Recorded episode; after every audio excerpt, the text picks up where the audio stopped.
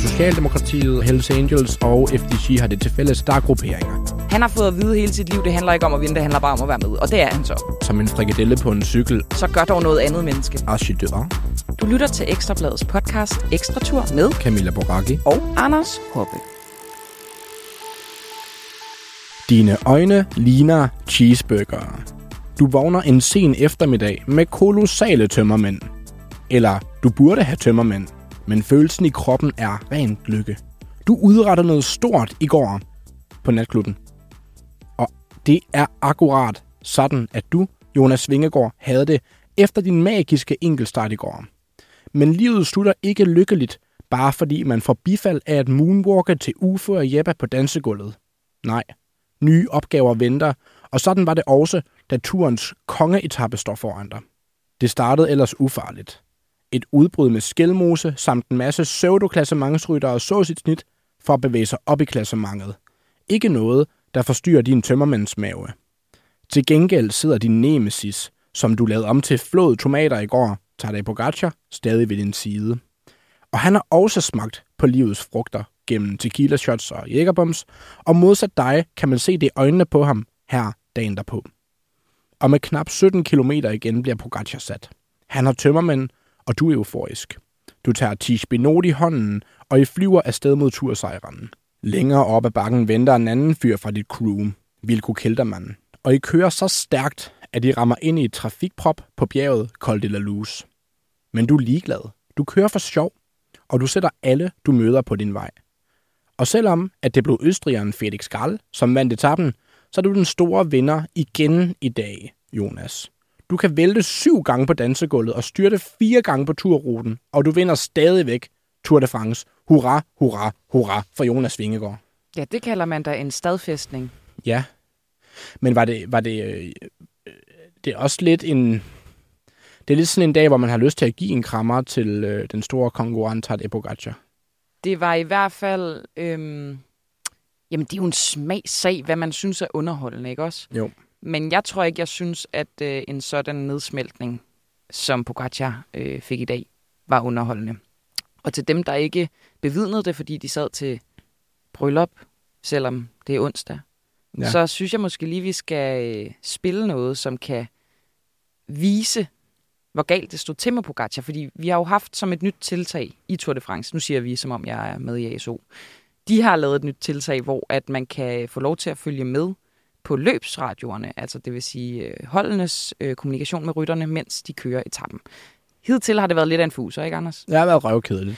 Yes. Det er virkelig det, de pæne ting, der slipper ud, og det har vi også snakket med kyllingen om, der synes, det har været et kedeligt tiltag. Når spiser og drik, kør, kør, you're doing great. Men i dag, der øh, kom der en lille lydbid fra manden, alle kiggede på, Tadej Pogacar. Efter vi kunne se, at han havde åbnet sin trøje, så bleg ud i hovedet og var i, øh, i store problemer med at sidde med Jonas Vingegaard.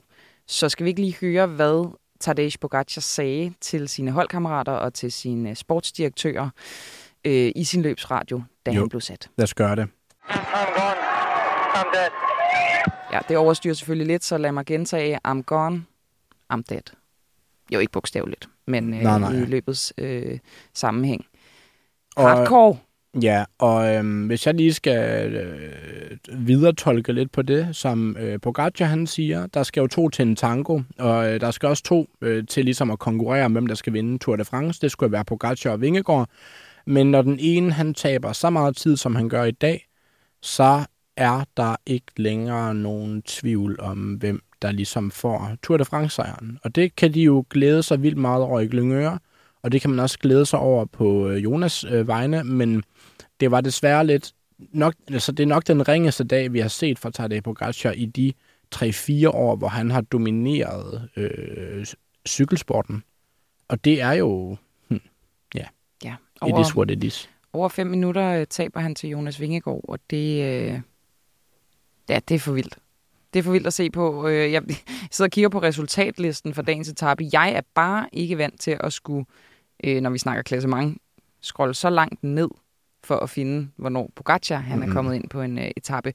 Måske skal vi lige sige, at øh, der var en øh, østriger, som har været rigtig skidt til at køre nedad. Altså, jeg kan huske, at han gjorde det i starten af, af Tour de France, hvor han var i et eller andet udbrud, hvor det var virkelig altså, det var virkelig ubehageligt at se på. Ikke nok med, at det var sådan lidt halvgrimt, så, så, var, så så det også farligt ud. Ikke? Det stod ikke, så ikke stabilt ud. Han kørte jo pænt nedad i dag, og distancerede, eller holdt i hvert fald Simon Yates, som var lige røven af ham væk. Felix Skalle her fra Achedør. Archidør. Achedør. Nå, det er det, du er god til at sige. Ja. Sig det igen. Archidør. Og igen.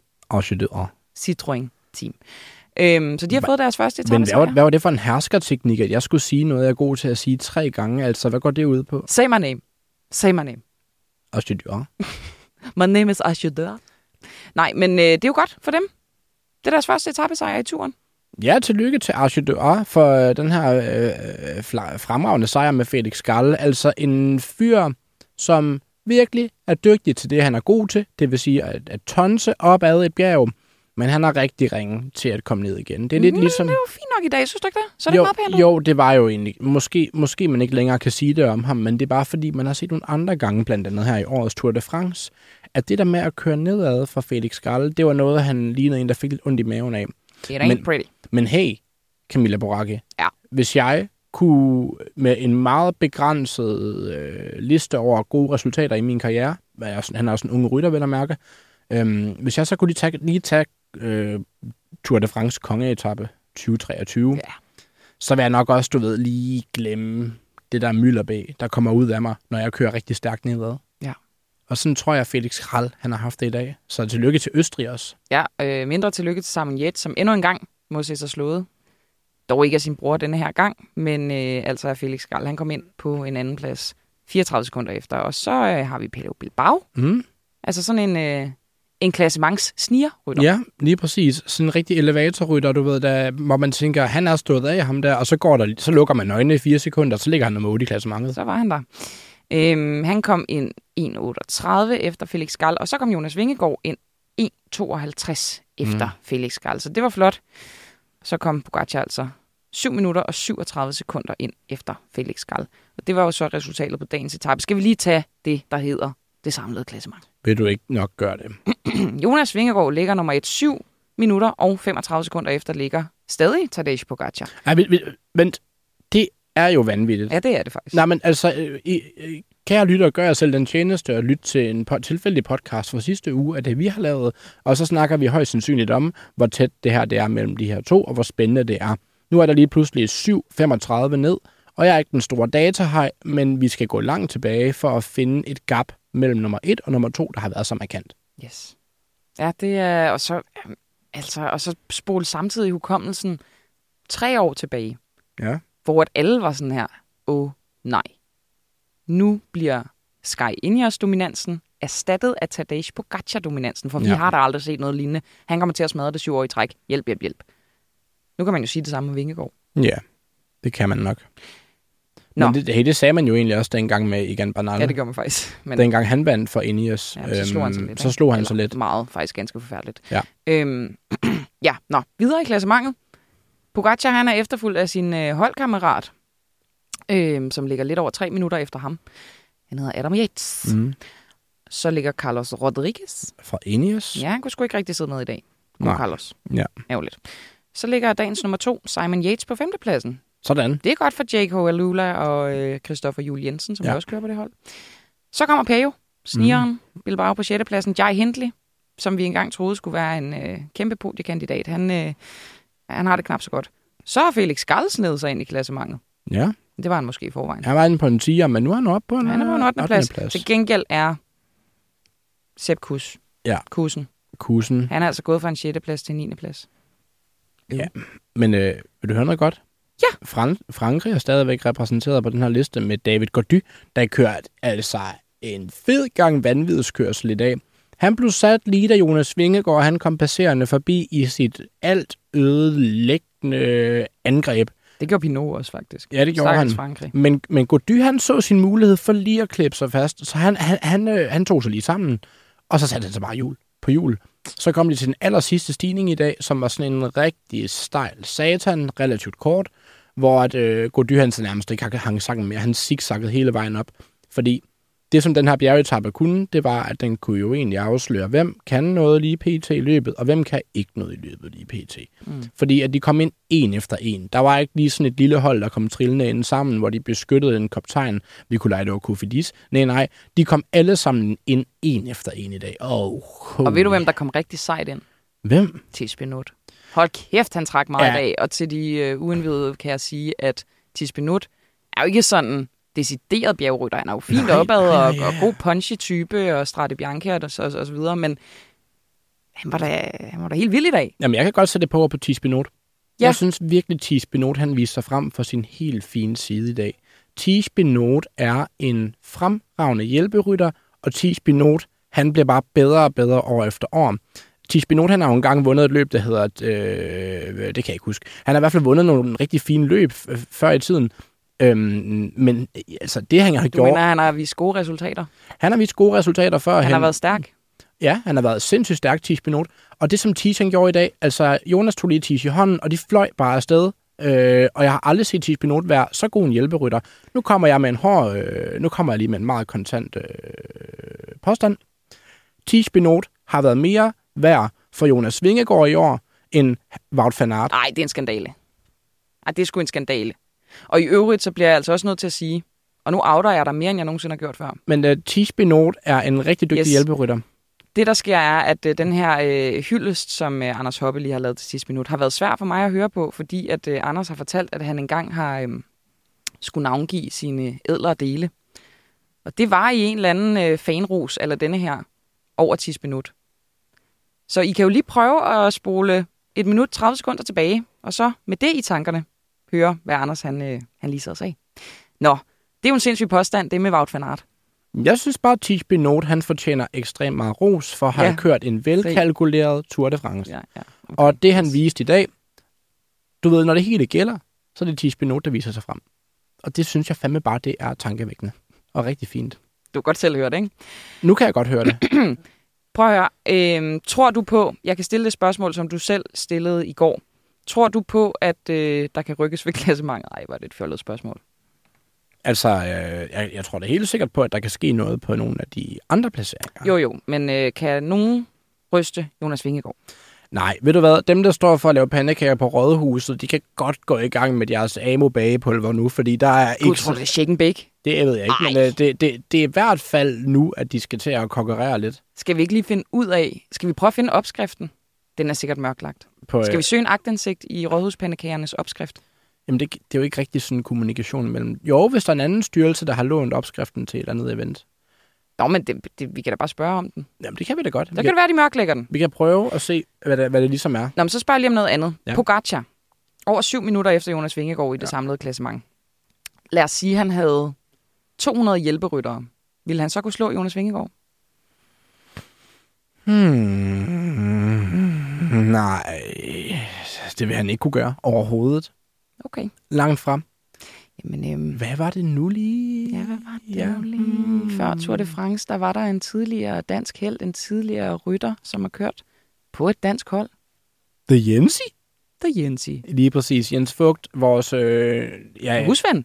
ja, det ved jeg ikke, om vi skal kalde det.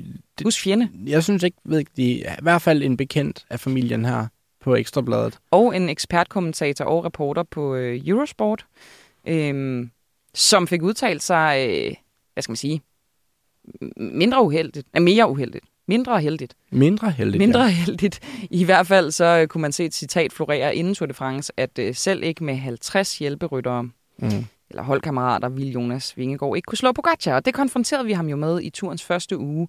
Og øh, vi aftalte med ham, at vi skulle tales ved. Det var han øh, cocky nok til at turde sige til os, så det gjorde vi selvfølgelig efter i går. Ja, og han sagde, at vi skulle vente til den sidste uge, og det er nu. Og hvad der skete sidenhen, ja, Så lad os høre, hvad Jensi han siger, og jeg skal lige beklage lydsetup'et. Det er jo sådan et meget, meget, hvad skal man sige, simpelt arrangement herinde på Ekstrabladet. Vi har kun et lydstudie. Det var altså optaget, da vi skulle snakke med Jensi, som kun kunne tale på et tidspunkt, fordi han jo er kommentator på Eurosport. Derfor måtte vi lave et meget underligt setup med noget telefon til noget mikrofon, og vi var inde i sådan et, et meget specielt afspændingsrum, Ja. som vi ikke troede eksisterede. nej, det gør det desværre. Det lignede en scene for riget, men øh, nok meget, om det meget mystisk. skal vi... Men øh, altså, derfor er lyden lidt dårlig, og jeg, det håber jeg ikke øh, kan leve med. lad os, lad os høre, hvad, hvad der skete. Jens Vogt, hello.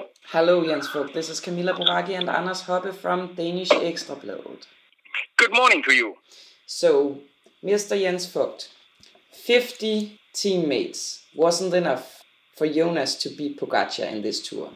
That's what you said before the tour. In hindsight, or after Jonas' time trial yesterday, what will you say now? Well, I guess, um, first of all, to create more clicks and attention, you cut that one sentence out of the entire thing. I stick with the 50 riders. I just changed the name. Pogacar now. Not even 50 oh, okay. teammates can help him to win the tour.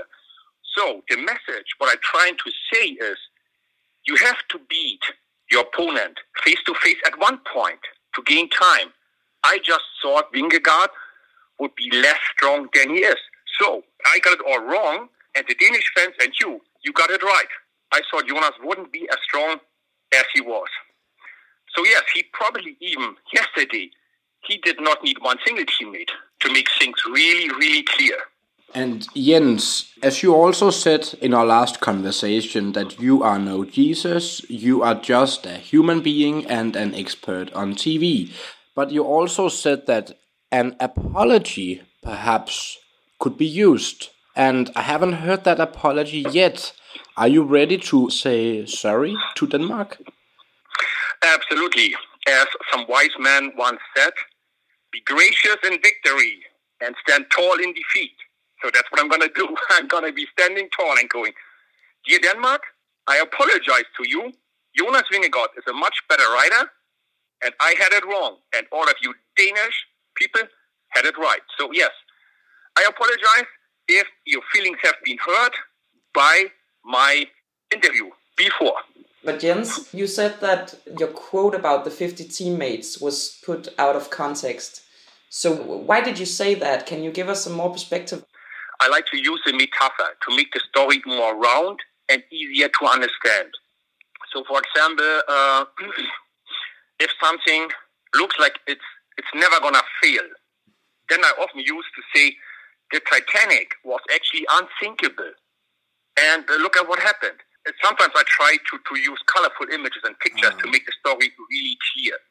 And in this case, I think I probably burnt my tongue a little bit. yeah. Jonas's preparation was pretty good, you know, with the Dauphiné and his high altitude camps. But Pogacar, on the other hand, he had some injury and his preparation was not that good. So, still, why would your analysis be this? Can you elaborate on that? Absolutely. I have uh, had one more than one example of riders who had a serious injury who were forced to really let the body rest and recover completely. After that, after their comeback, they had the best two or three months of the year or of their career.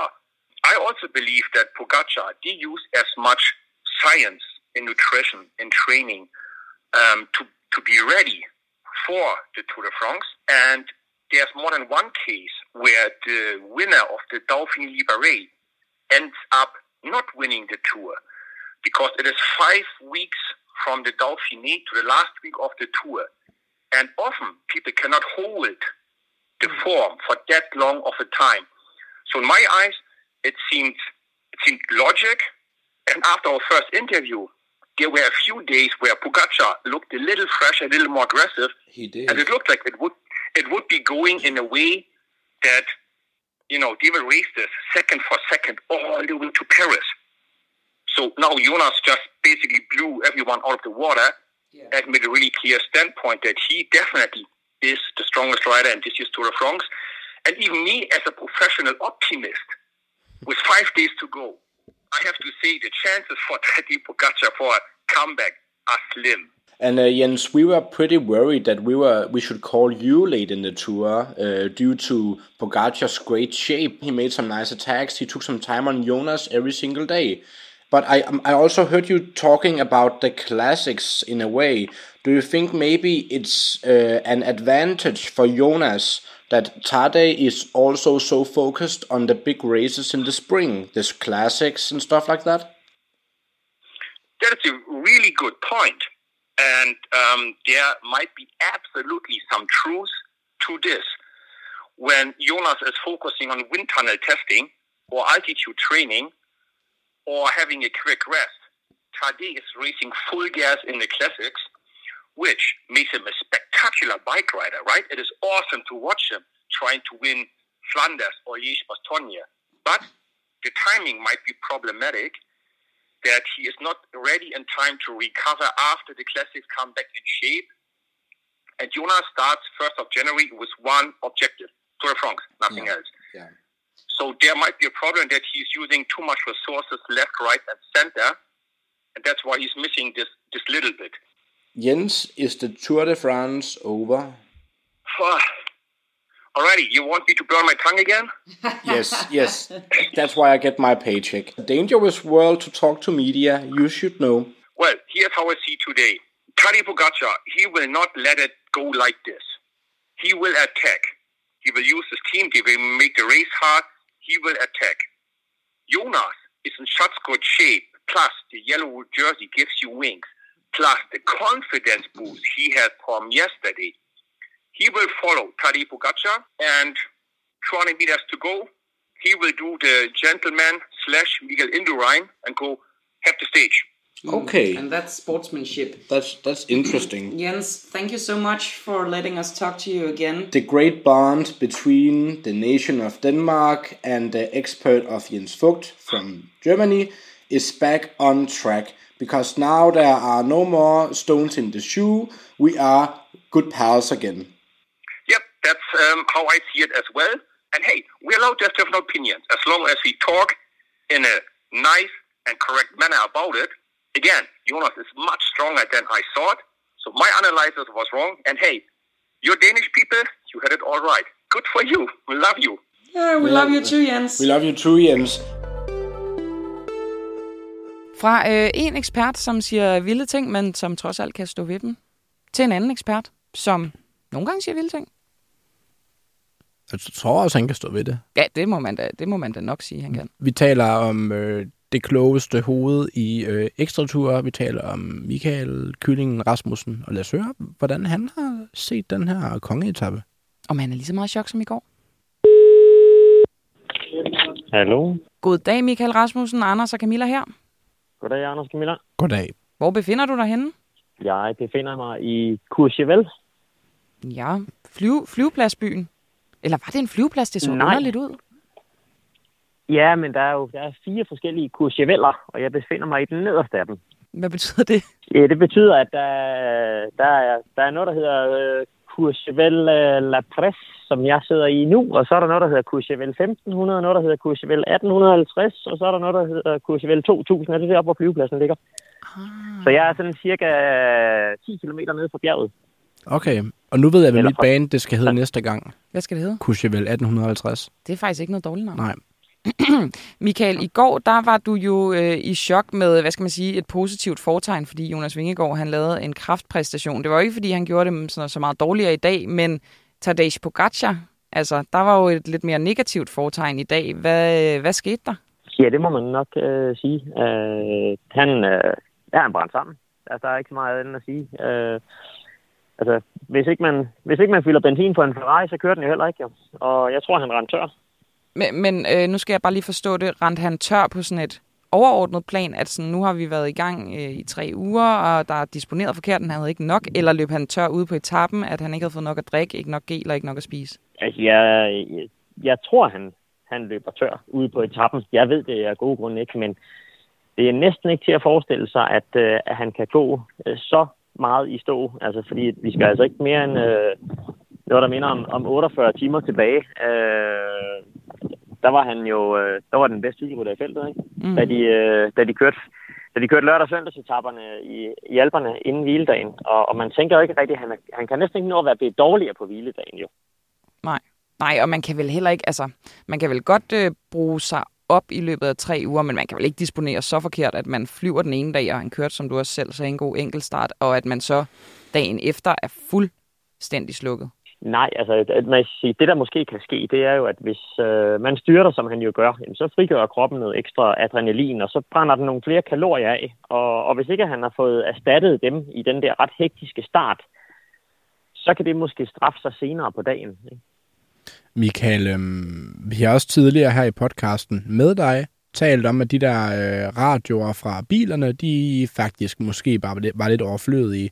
Så du i dag, at øh, Pogacars stemme, den ligesom kom ind på lydbåndet af den officielle Tour de France-sætning, eller sending? Ja, Det var da ret rørende, var det ikke det? Jo, og jeg synes også, det er, at det, er en, det er en fejl, at vi kan høre med på det. Altså, det er jo, øh, det er jo for udstillende. Altså, manden han lider rigeligt i forvejen. Vi kan alle sammen se det. Øh, det behøver vi egentlig ikke at høre os. Øh, og det gør jo også, at der sidder en masse andre hold, der kan sidde og, og høre med. Altså, jeg ved jo faktisk fra, fra nogle rytter her i feltet, at de har været nødt til at køre, køre ned i feltet, når de skulle tale, eller ned igennem feltet tilbage til sportsdirektørvognen, når de skulle give beskeder til sportsdirektøren Okay. fordi, at, fordi at de har været bange for, at øh, det, de nu snakkede om på radioen, det skulle sendes ud i æderen, ikke også? Øhm, og så giver det ikke nogen mening at have radioer længere. Nej, Hvis okay. ikke de føler, at de kan tale. Nej, så tale det, er, åbent, så det er både fra øh, et øh, taktisk, strategisk synspunkt, men måske også fra sådan et, hvad skal man kalde det, øh, den pri- private sfære øh, internt på holdet, at det ikke er så rart. Ja. Ja, ja, altså jeg ved da selv, jeg har da selv været i en situation på et tidspunkt, hvor, at, øh, hvor jeg havde lige lidt, øh, lidt vrøvl med mausen, og så siger jeg, at jeg skal ned og have nogle, øh, nogle stoppiller til det her, altså halvvejs ind igennem etappen, og det havde jeg da ikke sådan set lyst til, at det skulle ud i, øh, ud i radioen midt under en, øh, en etape i øh, Massiv Central, vel? Ej, det, Nej, det, det, det, kan, det kan jeg godt se. Hvad hedder det? Den her tidsforskel mellem Jonas Vingegaard på, øhm, på 7 minutter og 35 sekunder. Kan du putte den i en større kontekst øhm, til nogle af de andre Tour de France, vi har set de sidste 10-15 år? Ja, jeg tror, vi skal til at spole lang tid tilbage i, i tiden øh, for at have en, en tursejr i den størrelse. Altså, der er vi vel ved at være tilbage ved Armstrong et år, hvor han vandt med, vandt han med syv minutter ned til Ivan Barso eller sådan noget lignende. Øh, Der var også året i 14, Et- hvor Nibali et- han vandt markant stort. Øhm, ja, men det er rigtigt, men der var, der var jo også, der var Froome og Contador også ud af ligningen, så den var lidt, øh, den var, den var billig til salg det år, ikke? det var one-off. Ja, det er rigtigt. Selv, altså selv Chris Froome har jo ikke lavet, fordi han, han, altså det er jo meget ham, man taler om, når man taler om sådan en langvej dominans, men, men ikke med så meget tid til nummer to. Nej, og det er også, altså det er sådan et flashback til sidste år på den der Grand etape nu, ikke også? Altså, vi skal bare være, vi skal være glade for de to ugers cykelløb, vi har fået. Og så øh, sige, øh, ja, indtil for, for godt og vel 24 timer siden, der var det, der var det mega spændende, og det er det så knap så, så meget nu, ikke?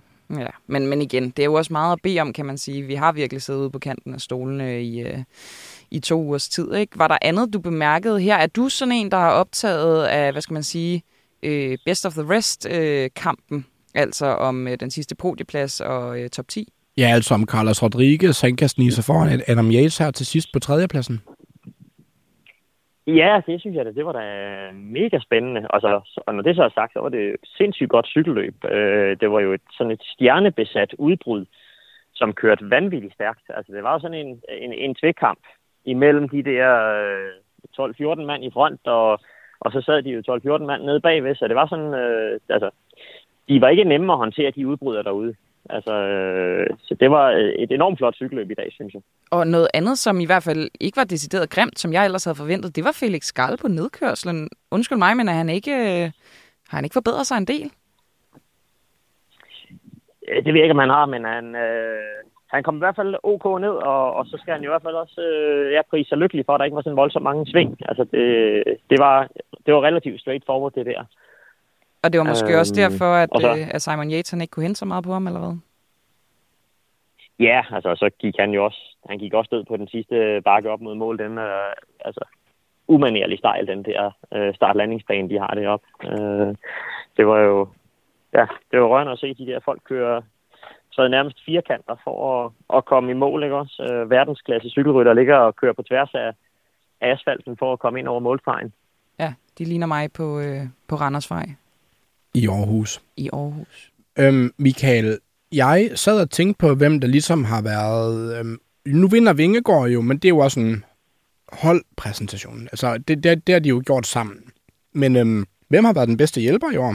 Åh, det, øh, det, det tror jeg ikke, jeg, jeg er ikke lige nået der til endnu. Øh, hvem der, altså det, jeg er jo faktisk ved at sige, at Adam Yates, han har, Ja, det er rigtigt. altså han har jo faktisk som, som hjælperytter formår han stadigvæk at køre på podiet, ikke? Jo, men jeg tænker også sådan, at den måde Tish Binot han kørte på i dag, det var da også virkelig imponerende. Ja. Det, som Anders han spørger dig om, Michael, det er, om øh, Tish Binot har været en vigtigere og bedre hjælperytter for Jonas Vingegaard, end Wout van Aert har. Åh, oh, øh, det, det ved jeg så ikke, om man har. Det, det, det tror jeg nu ikke. Altså, Nej, det tror jeg nu heller ikke. Jeg vil, øh, jeg vil hellere være Tish Binot foruden, jeg vil være Van Aert foruden da. Anders. Ikke ja, også? okay. Øhm, den sidste ting, Michael, jeg godt kunne tænke mig at spørge om, fordi nu, nu øh, hvor at øh, Tadej Pogacar, øh, måske ikke så meget i går, men især i dag, øh, har den her, ja, han, han giver, går kold simpelthen, øh, så hører jeg ligesom Øh, folk på Twitter, det er jo ikke, fordi man skal lytte så meget til dem, men, men forskellige folk sige, at det her med, at han slår øh, salto på hviledagen og hopper ned i poolen og har det sjovt, og også øh, har besøg af sin kæreste og kører rundt med et stort baguette i munden og, og har det rigtig grineren. Altså folk begynder virkelig at give det skylden. Er du, øh, er du sådan en, der vil tilslutte dig det kor? Det, det ved jeg så ikke. Altså, det kan da godt ske, at han skulle ligge en halv time med i sin seng i går.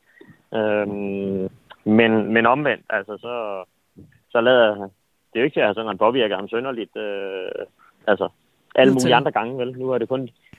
Nej, altså nu er det jo, nu er det jo kun lige fordi, at, øh, at, at vi ser, at han lige står og laver en baglæns til Mosale, efter han er kommet, øh, kommet tilbage fra træningsturen, ikke? Jo.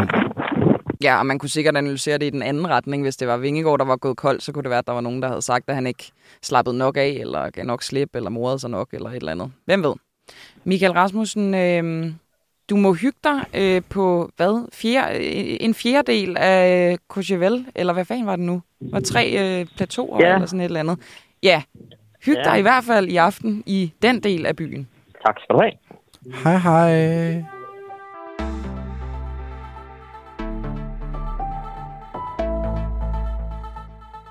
Nå, men det er, jo, det er jo faktisk to ting, som var ret essentielle, Anders Hoppe, og der er det jo meget godt, at vi lige snakker med Michael Rasmussen, det her med Pogacar, han styrter mm. i starten af etappen, men jeg tror også, det er fordi, at det var ikke et voldsomt styrt på den Nej. måde. Det lignede ikke, at han slog sig så meget. Men derfor er det også et interessant perspektiv med den her adrenalinudladning, som, øh, som kan have nogle eftervirkninger på en eller anden måde. Og så det her, ja, hvad skal man sige, snart øh, underlige tilskuer, motorcykel, bilstop. Det var jo heldigt, at, øh, hvad skal man sige, at det ikke øh, gjorde noget. Ja, og der, jeg ved ikke, om man kan huske det, men det skete jo også tidligere i Tour de France, dengang at Vingegaard og øh, øh, Pogacar, de lå helt tæt med Har hinanden. du allerede glemt hans navn, Hoppe? Ja, nå, ham der, ham der sloveneren. Har du allerede glemt, hvad han hedder? Pri, primus... Nå. Eller, Primus Mohoric? Ja, Primus Mohoric. Nej, men Tadej, han øh, blev jo også stoppet i et angreb på et tidspunkt, hvor, Præcis. at, øh, hvor at, øh, nogle motorcykler kørte foran ham, hvor han lavede en ordentlig acceleration, fyrede en patron af, som han selv kaldte det bagefter, og så kunne Vingegaard jo bare kravle stille og roligt op, fordi han kunne ikke køre videre på vejen. Øh, så på den måde, så står der jo egentlig 1-1 i øh, motoriserede køretøjer, der blokerer for øh, et raid. Og så kan man sige, at Pogacar også selv øh, fik ret i det, han udtalte efterfølgende efter den episode, mm. at det nok ikke ville have den store betydning for det samlede resultat. Og det kan man sige, nej, det fik det. Det er i hvert fald godt, at han stadigvæk er klog, den gode Pogacar, nu hvor benerne de begyndte at svikle lidt her i sidste uge, desværre. Og lad, lad mig lige hurtigt pointere noget, fordi der, der er jo en grund til, at Pogacar han er så populær, og det er jo ikke kun fordi, at han øh, laver sjove vitser, og at øh, han er dårlig til at udtale franske ord, og fordi han kan lave saltomotaler i poolen. Han er faktisk god til dansk mor og fransk lærer, men okay. Altså, han er virkelig, virkelig, virkelig god til at cykle. Altså, manden, han kører jo ikke bare øh, klassementsløb, han kører jo også de her forårsklassikere, og næsten alle de fede cykelløb, som vi kan forestille os, dem kører han. Og det synes jeg jo egentlig bare, det også er en fornøjelse, at nogle klassementsryttere, de også bare synes, det er mega fedt at vinde de helt store løb, som Flandern rundt. Ja, som han jo vandt i år. Ja. Og det er jo sådan noget, der skriver dem ind i... Altså, det er jo sådan noget, der gør, at man, hvis man er lidt fræk, Mm. tør sammenligne Tadej Pogacar med kannibalen Eddie Merckx, Ja. som er en af de største legender i cykelsporten. Anyways, Hoppe, jeg bladrer om på side 123 i Ja, vores turmagasin. Jeg vil faktisk lige hurtigt sige, at øhm, Jumbo Vismas øh, pressetjeneste har været ude, og det er øh, sportsdirektøren Frans Marsen, der, der siger det her. Øh, uden, uden uheld kan vi vist godt sige, at vi har vundet Tour de France. Ah, for helvede, Frans. Vingegaard er så stærk. Ja, jamen, du skal... Jeg håber, vi banker under bordet. Er du klar? 1, 2, 3. Puha. Ja, Puha for noget. Det er jo en sort kat, der løber lige over vejen. ja. For for satan. Må Det- jeg godt bladre om på anden side nu? Ja, du må. Eller 123. side. Der skal sprintes igen. Tænk, at man kunne begynde at savne sprinteretapperne, men det kan jeg godt mærke, det har jeg brug for. Jamen, vi har jo dårlige nyheder der. Virkelig dårligt. Fordi en af de, al, en af de allerstørste stjerner her i Ekstratur for os, det er ikke en af de allerstørste stjerner, men en, en stor stjerne, Og han er en af de har, allerstørste. har vi jo i øh, Bad Boy Bauhaus, a.k.a. Phil Bauhaus, fra Bahrein-holdet, der jo er en mega sjov sprinter, fordi han vinder ikke særlig meget, men i år har han været tæt på. Han har taget nogle andenpladser, han sprinter virkelig grimt, men, men sjovt. Men hvad er der sket, Camilla? Jamen, det ved jeg faktisk ikke. Jeg så ham, øh, jeg så ham på, øh, på etappen i dag, hvor at han sindssygt tidligt er sat af alene, mm. og så er fejebladet lige i røven af ham, det vil sige den, den bil, som ligesom indikerer lidt tidsgrænsen. Men det, det, øh, det, det skete sindssygt tidligt. Jeg Ja. ved ikke, han må være syg jo. Ja. Phil. Altså, det er, det er virkelig ærgerligt, at Phil Bauhaus, han ikke kommer til at skulle køre den sprinteretappe, der venter i morgen, og den sprinteretappe, der venter i Paris på søndag. Ja, jo også fordi, at sprinterfeltet er jo så tilpas reduceret, at han jo egentlig godt kunne have en reel chance, hvis det ikke lige var fordi, at Jasper Philipsen, han stadig er med i løbet. Og hvem har vi egentlig tilbage øh, i sprinterfeltet? Der er jo så Jasper Philipsen. Men vi har jo også en masse P. Ja, og så har vi en Michael Mørkøv. Altså, Ja, Mørkøv for the sprint. Det er et hashtag, vi skal begynde at bruge. ja, rygterne ude på gaden. Og jeg har hørt det seneste, da jeg var nede i Netto her tidligere, da jeg skulle købe ærter i forgårs, hvor de stod, de unge mennesker, og sagde, hvem skal egentlig sprint for Quickstep? Nu var Fabio Jacobsen, han ikke længere kører med, og jeg har et kvalificeret bud. Også mig. Michael Mørkøv. Let's go. Det kunne da være helt vildt sejt, hvis han lige øh, rev et kæmpe resultat ud og vandt enten i morgen eller på Champs-Élysées. Jeg synes, at han skal prøve sig selv af i morgen, så han er klar til Champs-Élysées. Anders Hoppe, jeg viser dig nu et billede af en lidende Pogacar med Max Soler, hans holdkammerat, øh, som ikke forlod hans side, mm. arm omkring skuldrene, da han kører op Ja. over stregen. Og så synes jeg, det er måden, vi lukker dagens podcast på. Ja, tager det. Det blev ikke i år. Og, og vil du ikke lade være med at nævne mine øh, ædlere dele fremadrettet, når vi laver podcast? Jo, hvis du vil lade være med at nævne dem til mig i første omgang.